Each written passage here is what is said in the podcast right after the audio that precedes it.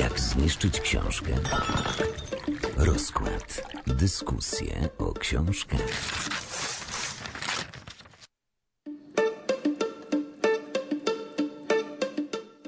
Witajcie w rozkładzie. Dzisiaj o książkach porozmawiają z Wami Joanna Jastrzębska. I Karolina Gawot. Muszę powiedzieć, że zwykle mówi się o książkach, że mm, poszerzają horyzonty i otwierają umysł. Co prawda tej książce nie można tego odmówić, ale wydaje mi się, że w jej kontekście słowo otwarcie jest przynajmniej dużym nietaktem. Widzę, że tutaj delikatnie e, się podśmiewasz. Myślę, że mm, zdecydowanie nie są to słowa, które powinniśmy wypowiadać w tym kontekście, ale myślę, że ta książka mimo wszystko na pewno i ciebie, i mnie e, bardzo otworzyła. I zaraz e, się przekonacie, dlaczego też tak uważamy. Dzisiaj Pudło, opowieści z polskich więzień Niny Olszewskiej. I to jest książka w której dużo się mówi. Autorka wybrała się do wielu więzień i tam rozmawiała przede wszystkim z osadzonymi, ale także z funkcjonariuszami i innymi pracownikami zakładów. Więźniowie to chyba są ostatnie osoby, które byśmy posądzały o prowadzenie normalnego i zwykłego życia. No i tutaj chyba się troszeczkę w przypadku pudła przeliczyłyśmy. Tak, myślę, że e, to najbardziej nas zaskakuje. E, jakby nie spotykamy się tutaj z ogromnym szokiem, z, z takimi trochę zachowaniami sensacyjnymi, które wzbudzają jakieś tam wielkie emocje, ale właśnie z taką zwyczajnością i myślę, że to jest tutaj klucz do tego, o czym będziemy rozmawiać tak naprawdę. Zaskoczyło nas to, że tak wiele e, zachowań, tak wiele sytuacji świetnie oddaje to, jak my żyjemy I, i myślę, że właśnie autorce też dokładnie o to chodziło, chociażby dlatego, że ona e, nie mówiła o tym, co ci ludzie zrobili, za co oni siedzą w tym więzieniu. Ona ich prawdopodobnie nawet o to nie pytała. Ona się skupiła na tym, jak oni się czują, jakie myśli towarzyszyły im na początku bycia w tym więzieniu, a jakie towarzyszyły im już e, po, po czasie, który tam spędzili, albo jakie są e, w nich chociażby nadzieje i po prostu e, co, co siedzi im w tych głowach tak naprawdę. Mają, nie oszukujmy się, bardzo dużo czasu na to, żeby e, się zastanawiać, myśleć i analizować. W więzieniu tego, co jest pod dostatkiem, to na pewno jest czas i więźniowie mają go bardzo dużo i dowiadujemy się tej najbanalniejszej rzeczy pod słońcem, czyli tego, jak oni ten czas spędzają. No i tutaj od razu podkreślamy z całą mocą, nie spodziewajcie się mrożących krew w żyłach historii, nie spodziewajcie się sensacji, bo tutaj mm, osadzeni są pokazani po prostu jak ludzie. E, nie, nie chcę was oczywiście zniechęcać do tego, mówiąc, że ta książka e, może trochę was zawieść, ale myślę, że na pewno duża część czytelników mogła odnieść takie wrażenie, e, no bo jednak słowa takie jak więzienie, e, pudło czy zakład karny budzą takie emocje dosyć silne, mam wrażenie. I wiele osób, które czytało tą książkę, wiemy już, że, że nie do końca jakby odnalazły w niej to, czego szukały tak naprawdę, bo szukały sensacji, y, zabójstw, y, zbrodni z perspektywy mm, właśnie więźniów. Powiedziałaś, że nie chcemy zniechęcać słuchaczy, a myślisz, że to jest rzeczywiście wada, to, że my się rozczarowujemy. Myślę, że absolutnie ta sensacyjność, albo raczej brak tej sensacyjności, absolutnie myślę, że nie może być wadą e, i nie jest wadą. Jakby zupełnie inny cel przyświeca e, autorce, przyświeca też, myślę, że mm, odbiorcy mm, mi czy tobie, może tak, bo nie każdemu, wiemy, że nie każdemu e, też o to chodziło, niektórzy szukali bardziej sensacji, my szukałyśmy bardziej czegoś, żeby poznać po prostu to środowisko, to jak to wygląda, więc myślę, że absolutnie nie można tu mówić o tym, że jest to wada. Myślę też, że to rozczarowanie, które wynika z naszego nastawienia jest po prostu obnażeniem naszych stereotypów, tego, że my jednak cały czas mm, bardziej lub mniej świadomie mm, wiążemy pobyt w więzieniu z sensacyjnością, a tutaj właśnie mamy dowód na to, że sensacji w codziennym życiu osadzonego nie ma. Tak naprawdę właśnie Nina Olszewska nie miała e, takiego zamysłu, żeby zszokować, ale żeby bardziej pokazać, jak się ten więzień czuje, co myśli, jak on to wszystko przeżywa i później też jak to myślenie się zmienia, jakie jest jego podejście do um, kwestii związanej z, z, wyjściem ewentualnym z tego więzienia, do kwestii wolności. Poznajemy tego człowieka bardziej e, z takiej ludzkiej strony, a nie przez pryzmat tego, co on zrobił. Jakby nie oceniamy go dzięki temu, tylko oceniamy uczymy się go rozumieć. Rozumieć, dokładnie. Ja cały czas używam tego słowa ocena, ale tak naprawdę zupełnie to, to słowo nie jest tutaj zasadne, bo my absolutnie nie oceniamy. Autorka też ma taki zamysł, myślę, tylko bardziej staramy się właśnie zrozumieć i trochę poczuć to chyba, co ten człowiek czuje. Zajmijmy się tym, co my w tej książce dostajemy, jaki mamy początek, co nam się rzuca w oczy, co tobie się rzuciło w oczy. Ja może na początku zacznę troszeczkę dosłownie od początku też książki. E, już dosłownie od pierwszych stron, czyli od spisu treści, e, który na początku we mnie wywołał trochę takie, mm, myślę, że zas- zaskoczenie jednak, bo... e, Ciekawe, ile osób się skupia na spisie treści w recenzji, ale ciekawa jestem, co powiesz nam. Dobrze, dobrze. Ja wiem, że może to jest dziwne, znaczy może nie wiem, czy dziwne spostrzeżenie, ale w każdym razie uznam, że warto, warto przeanalizować tutaj różne elementy, na które nie zwracamy uwagi. Słuchamy. No więc tak, w tym spisie treści mamy między innymi takie rozdziały jak turnus, biblioteka, dni płyną inaczej. Ja miałam takie trochę skojarzenie, że to trochę jak e, w sanatorium. Tak rajsko brzmi. Tak, jakbym czytała książkę może o emerytach, którzy się wybrali do sanatorium. Mm, no oczywiście konfrontacja później z tą treścią była zupełnie inna, ale na pewno e, takie od razu trochę pozytywne, takie ciepłe skojarzenia mi się nasunęło jednak, mając na myśli tych emerytów, którzy gdzieś tam czekają na taki pobyt w sanatorium, którzy sobie odpoczywają, tam poznają ludzi. E, no a tutaj niestety mm, zupełnie nie o to chodzi. E, myślę, że trochę porównań może być zasadnych, e, jeśli chodzi o sanatorium i, i więzienie, ale niestety no, myślę, że sanatorium ma wydźwięk pozytywny i taki ciepły, a, a więzienie już jednak nie. Więzienie pudło już raczej nie. Taką główną chyba analogią między sanatorium a więzieniem jest słowo turnus, które zresztą pojawia się, tak jak mm, wspomniałaś. I ten turnus jest opłacony przez odbywających, czyli przez osadzonych swoimi czynami, tymi niechlubnymi, tymi, za które przyszło im spędzać czas w takich, a nie innych warunkach, czyli za kratami. Ale myślę, że od tego skojarzenia z emerytami tak szybko nie uciekniemy, dlatego że pojawia nam się taki bardzo, no dla mnie osobiście bardzo smutny wątek mm, seniorów w więzieniu, bo no raczej przeciętny więzień nie kojarzy nam się oczywiście ze starością, ale takich więźniów też tutaj mamy. Tak, tam jest nawet taki fragment, że bardzo mały e, odsetek jest więźniów, którzy trafiają do tego więzienia po pięćdziesiątce, e, więc to też trochę daje do myślenia, że to często do więzienia trafiają ludzie młodzi, którzy e, za tymi kratami stają się trochę tymi emerytami, bo spędzają tam powiedzmy 20 e, czy 30 lat. No, wydaje mi się, że to jest takie spojrzenie pełne czułości. Autorka nam tutaj prezentuje taką postawę bardzo czułą, bardzo wrażliwą. Nie ocenia osób, z którymi rozmawia i co ważne, to nie tylko nie ocenia, ale też nie patrzy na swoich rozmówców przez pryzmat tego jednego uczynku, za który zostali skazani. I jest nawet rozmowa ze Zbigniewem, który wywołuje w Olszewskiej bardzo ciepłe uczucia. Mówi y, autorka, że mogłaby z nim spędzić święta, kupić mu sweter, przytulić. Natomiast po tej rozmowie wychodzi z pokoju i rozmawia z wychowawcą, który jest odpowiedzialny za tego osadzonego. I ten wychowawca zapytał: A powiedział pani za co siedzi? Nie. Może to i dobrze. To jest rzeczywiście takie dość mocne. Mm, Myślę, że to jest taka mocna konfrontacja trochę tego, co my myślimy, nie wiedząc, co ci ludzie ro- zrobili. Czyli generalnie to jest ten zamysł autorki, żebyśmy nie oceniali przez pryzmat tych zbrodni, które oni popełnili.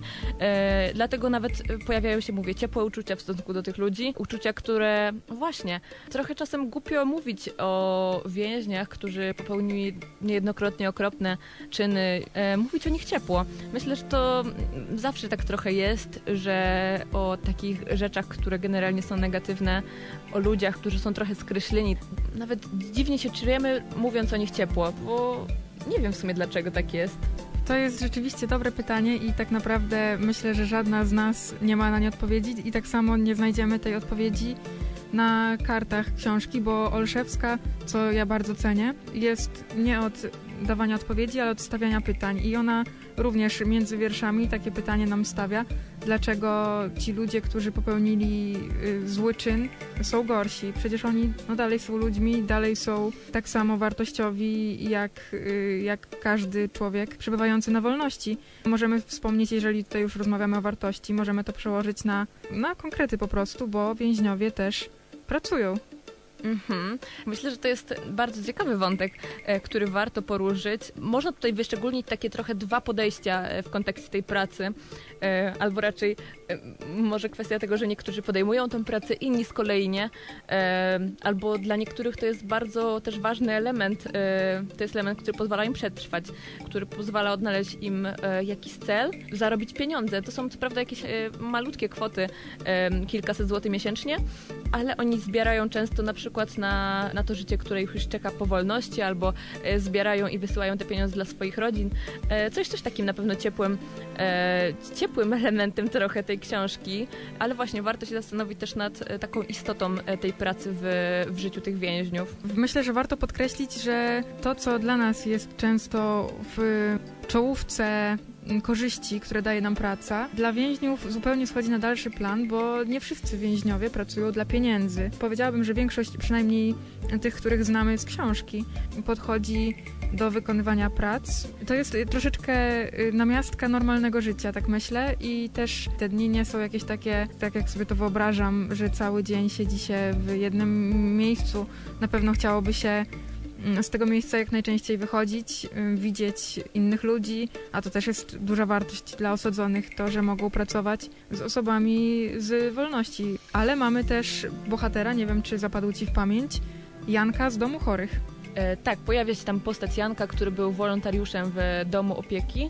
E, no i właśnie w jego przypadku na przykład e, te zarobki tutaj nie, nie grały ro, roli, bo tak jak mówię, był to e, wolontariat. Pomimo, że był to więzień, a no już wiemy, w zasadzie same po sobie wiemy, że ta pierwsza myśl o więźniu kojarzy nam się z niebezpieczeństwem, z brakiem zaufania. Natomiast wśród mm, mieszkańców tego domu, domu opieki, absolutnie takie myśli nie powstawały, bo bardzo chętnie współpracowali z Jankiem.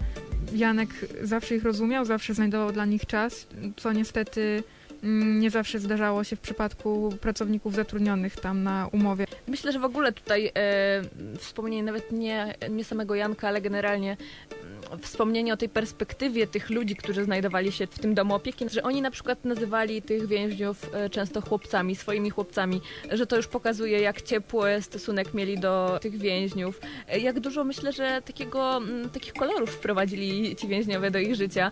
Więźniowie, którzy mieli chęci, którzy odnajdywali też szczęście w, w pomocy tym ludziom i, i myślę, że to była taka obustronna korzyść. Teraz zrobimy chwilę przerwy na muzykę, a po przerwie dowiecie się między innymi o tym, dlaczego więźniowie czytają książki, które często też u nas na wolności były na topowych listach e, książkowych. o tym, czy pobyt w więzieniu można sobie zaplanować. Powiązanie firm meblarskich z więzieniem, co mają z nimi wspólnego i spotykamy się po przerwie. Rozkład. Audycja o książkach. To może wróćmy jeszcze do tematu normalności, bo to już padło chyba kilka razy, że więźniowie prowadzą normalne życie, no i już wiemy, że mogą pracować. Warto wspomnieć tutaj, e, bo nie wiem, czy spora część, ale na pewno e, znajdą się więźniowie, którzy dużo czasu spędzają czy w bibliotece, czy w jakimś klubie literackim, czy, czy w fundacji, więc jakby czują tutaj powołanie mm, do, do robienia takich rzeczy, które nie są e, podstawowymi rzeczami, bez których nie mogą funkcjonować, ale widać, że są zaangażowani, mają jakieś zainteresowania i naprawdę myślę, że to jest e, ciekawe, że jest tam na przykład więzień, który mm, organizuje konkurs literacki. To są takie mało e, przyziemne rzeczy tak naprawdę. Powiedzmy jeszcze może naszym słuchaczom, jakiego rodzaju między innymi lektury cieszą się dużym zainteresowaniem wśród więźniów. To jest coś, co jest według mnie troszkę hitem. Na pewno uśmiechnęłam się, jak przeczytałam o tym w książce, że największym generalnie zainteresowaniem w 2019 roku e, w więzieniu cieszyła się książka Blanki Lipińskiej, książka erotyczna. I no, ja się uśmiechnęłam, dlatego że e, to jest coś, o czym my wszędzie słyszeliśmy, czytając e, w sieci jakieś doniesienia, idąc do kina, e, no bo pojawiła się też ekranizacja jakiś czas temu, e, że to jest coś, co nam gdzieś, gdzieś tam cały czas towarzyszyło, e, ta, ta masowość takich, takich treści właśnie. No i w więzieniu to jak widać też cieszy się dużym powodzeniem, więc, więc na pewno spore zaskoczenie dla mnie. Mnie zaskoczyło z kolei podejście do tego, jak można ten czas w więzieniu spędzić, dlatego że nam się wydaje chyba, mm, że pójście do więzienia jest jakimś rodzajem końca świata. Natomiast Marcin rozplanował sobie to, co chciałby osiągnąć w więzieniu, czyli między innymi chciał pracować nad dobrą formą fizyczną, nad nauką języka, nad skończeniem szkoły, bo to była bardzo młoda osoba. Ale nie wszyscy więźniowie podchodzą do siedzenia w więzieniu tak pragmatycznie jak Marcin, czemu się też oczywiście nie ma co dziwić, bo są też osadzeni, dla których jednak ważna jest ta hierarchizacja więźniów, cała kultura mm, gry psery. Mam wrażenie, że od tego się już odchodzi, ale cały czas e, znajdują się więźniowie, tacy, którzy gdzieś tam będą chcieli e, pokazać swój bunt wobec systemu, że na pewno nie będą chcieli się w nim zadomawiać. zadomawiać, albo może, może wręcz oni by chcieli się zadomawiać w tym, tylko że bardziej na swoich zasadach. Ale wracając jeszcze do tego tematu tych zainteresowań więźnia, o których wspomniałaś, myślę, że to jest bardzo, bardzo ciekawe, bo ja na przykład będąc w takim więzieniu, Mhm. nie wiem, czy od razu bym odnalazła w sobie chęć do e, realizowania jakichś swoich e, celów, pasji. E, zastanawiam się, no bo myślę, że w dużej mierze to też jest takie poczucie trochę bez sensu na początku, że cz- człowiek jednak ma takie poczucie, że no, nie jest to życie, jakiego chciał. Wiele planów na pewno zniszczyło. Teraz tak przyszło mi do głowy, że w sumie jest to na pewno dziwne, tak, tak pragmatyczne podejście do mm, odbywania kary, ale z drugiej strony, no to spójrzmy na warunki, w których się tę karę odbywa. Nie ma chyba nic bardziej stabilnego, monotonnego i takiego jednostajnego niż siedzenie w więzieniu. No, plany często nie wychodzą. Natomiast w więzieniu myślę, że osadzeni mają jednak większe szanse, jeżeli mają w sobie tyle siły oczywiście e, i samozaparcia, żeby te cele określić i realizować, to myślę, że mają jednak większe szanse na sukcesy niż my w takim życiu dynamicznym, zmieniającym się.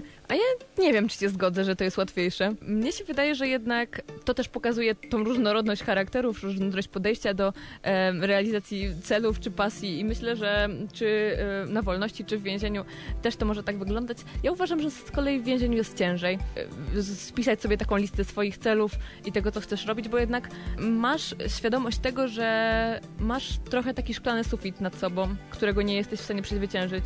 I myślę, że to jest ten problem, że cały czas ciąży to nad tobą, a, a w prawdziwym życiu nie masz czegoś takiego. No myślę, że to jest pewnie dyskusja, której oddamy się, jak już odejdziemy od mikrofonów, bo chcemy wam powiedzieć jeszcze o wielu innych sprawach dotyczących tej książki. Natomiast bardzo będę ciekawa kontynuacji naszej dyskusji. Myślę, że warto, żebyście się nad tym trochę też zastanowili, czy, mm, czy rozwijanie swoich pasji, zainteresowań może być łatwiejsze w więzieniu czy na wolności. Warto jeszcze powiedzieć, bo mm, myślę, że jest to dość ciekawy wątek, że więźniowie są poniekąd testerami. To jest też e, coś, co kolejny raz już trochę mnie zszokowało, bo przeczytałam, że na przykład e, meble, to wyposażenie, które się znajduje w więzieniu, często jest trochę takim prezentem od jakichś firm meblarskich, które chcą sprawdzić, jak dobrze mm, ten mebel sprawdzi się w więzieniu w takich warunkach, e, myślę, że mocno nieciekawych, mocno Ekstremalnych. mocno ekstremalnych i wykańczających te meble.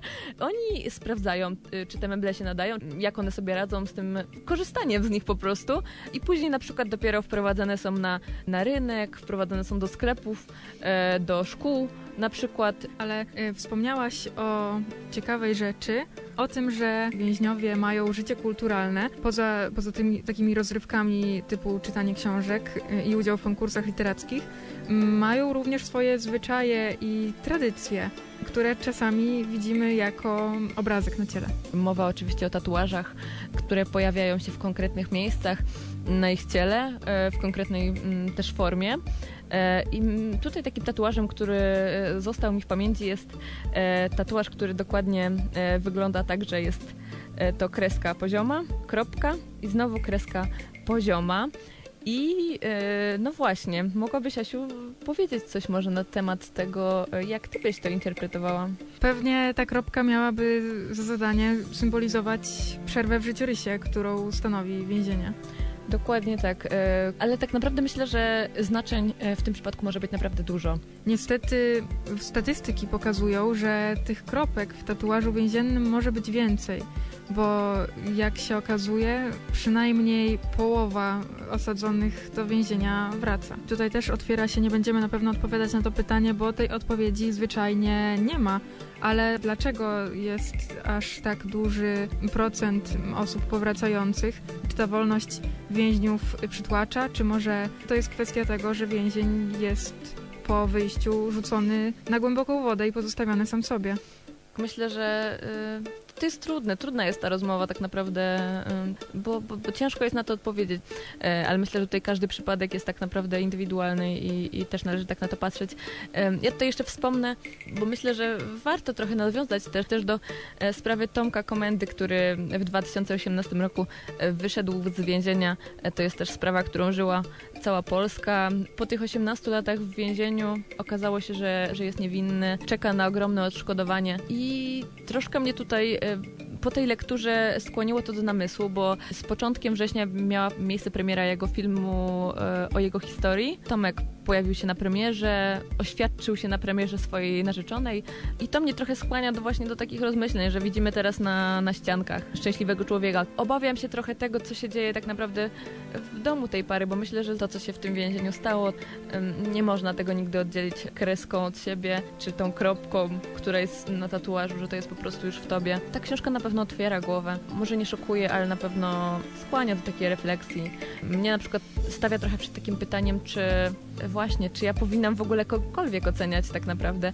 Na pewno każdy z Was wyniesie coś innego z lektury tej książki.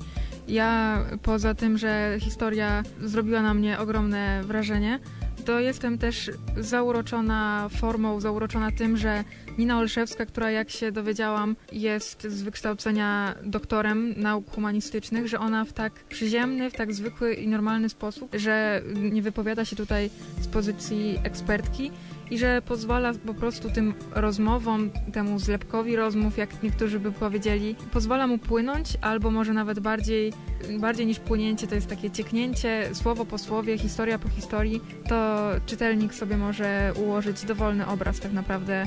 Nawet y, na samym końcu tej książki Nina pisze o tym, że ona jest wdzięczna bodajże swojej rodzinie, swojemu ojcu, za to, że nauczyli ją nie oceniać, że mimo e, wysokiego wykształcenia ona podeszła do tego tak neutralnie i myślę, że, że chociażby dlatego, żeby uczyć się od niej takiego rzetelnego dziennikarstwa i takiego neutralnego spojrzenia, warto zajrzeć do tej książki i nawet nie zajrzeć, ale po prostu ją przeczytać. Na dzisiaj w rozkładzie to już wszystko. Zapraszamy Was za tydzień, a ostatnie minuty przegadały z Wami Joanna Jastrzębska i Karolina Gawodz.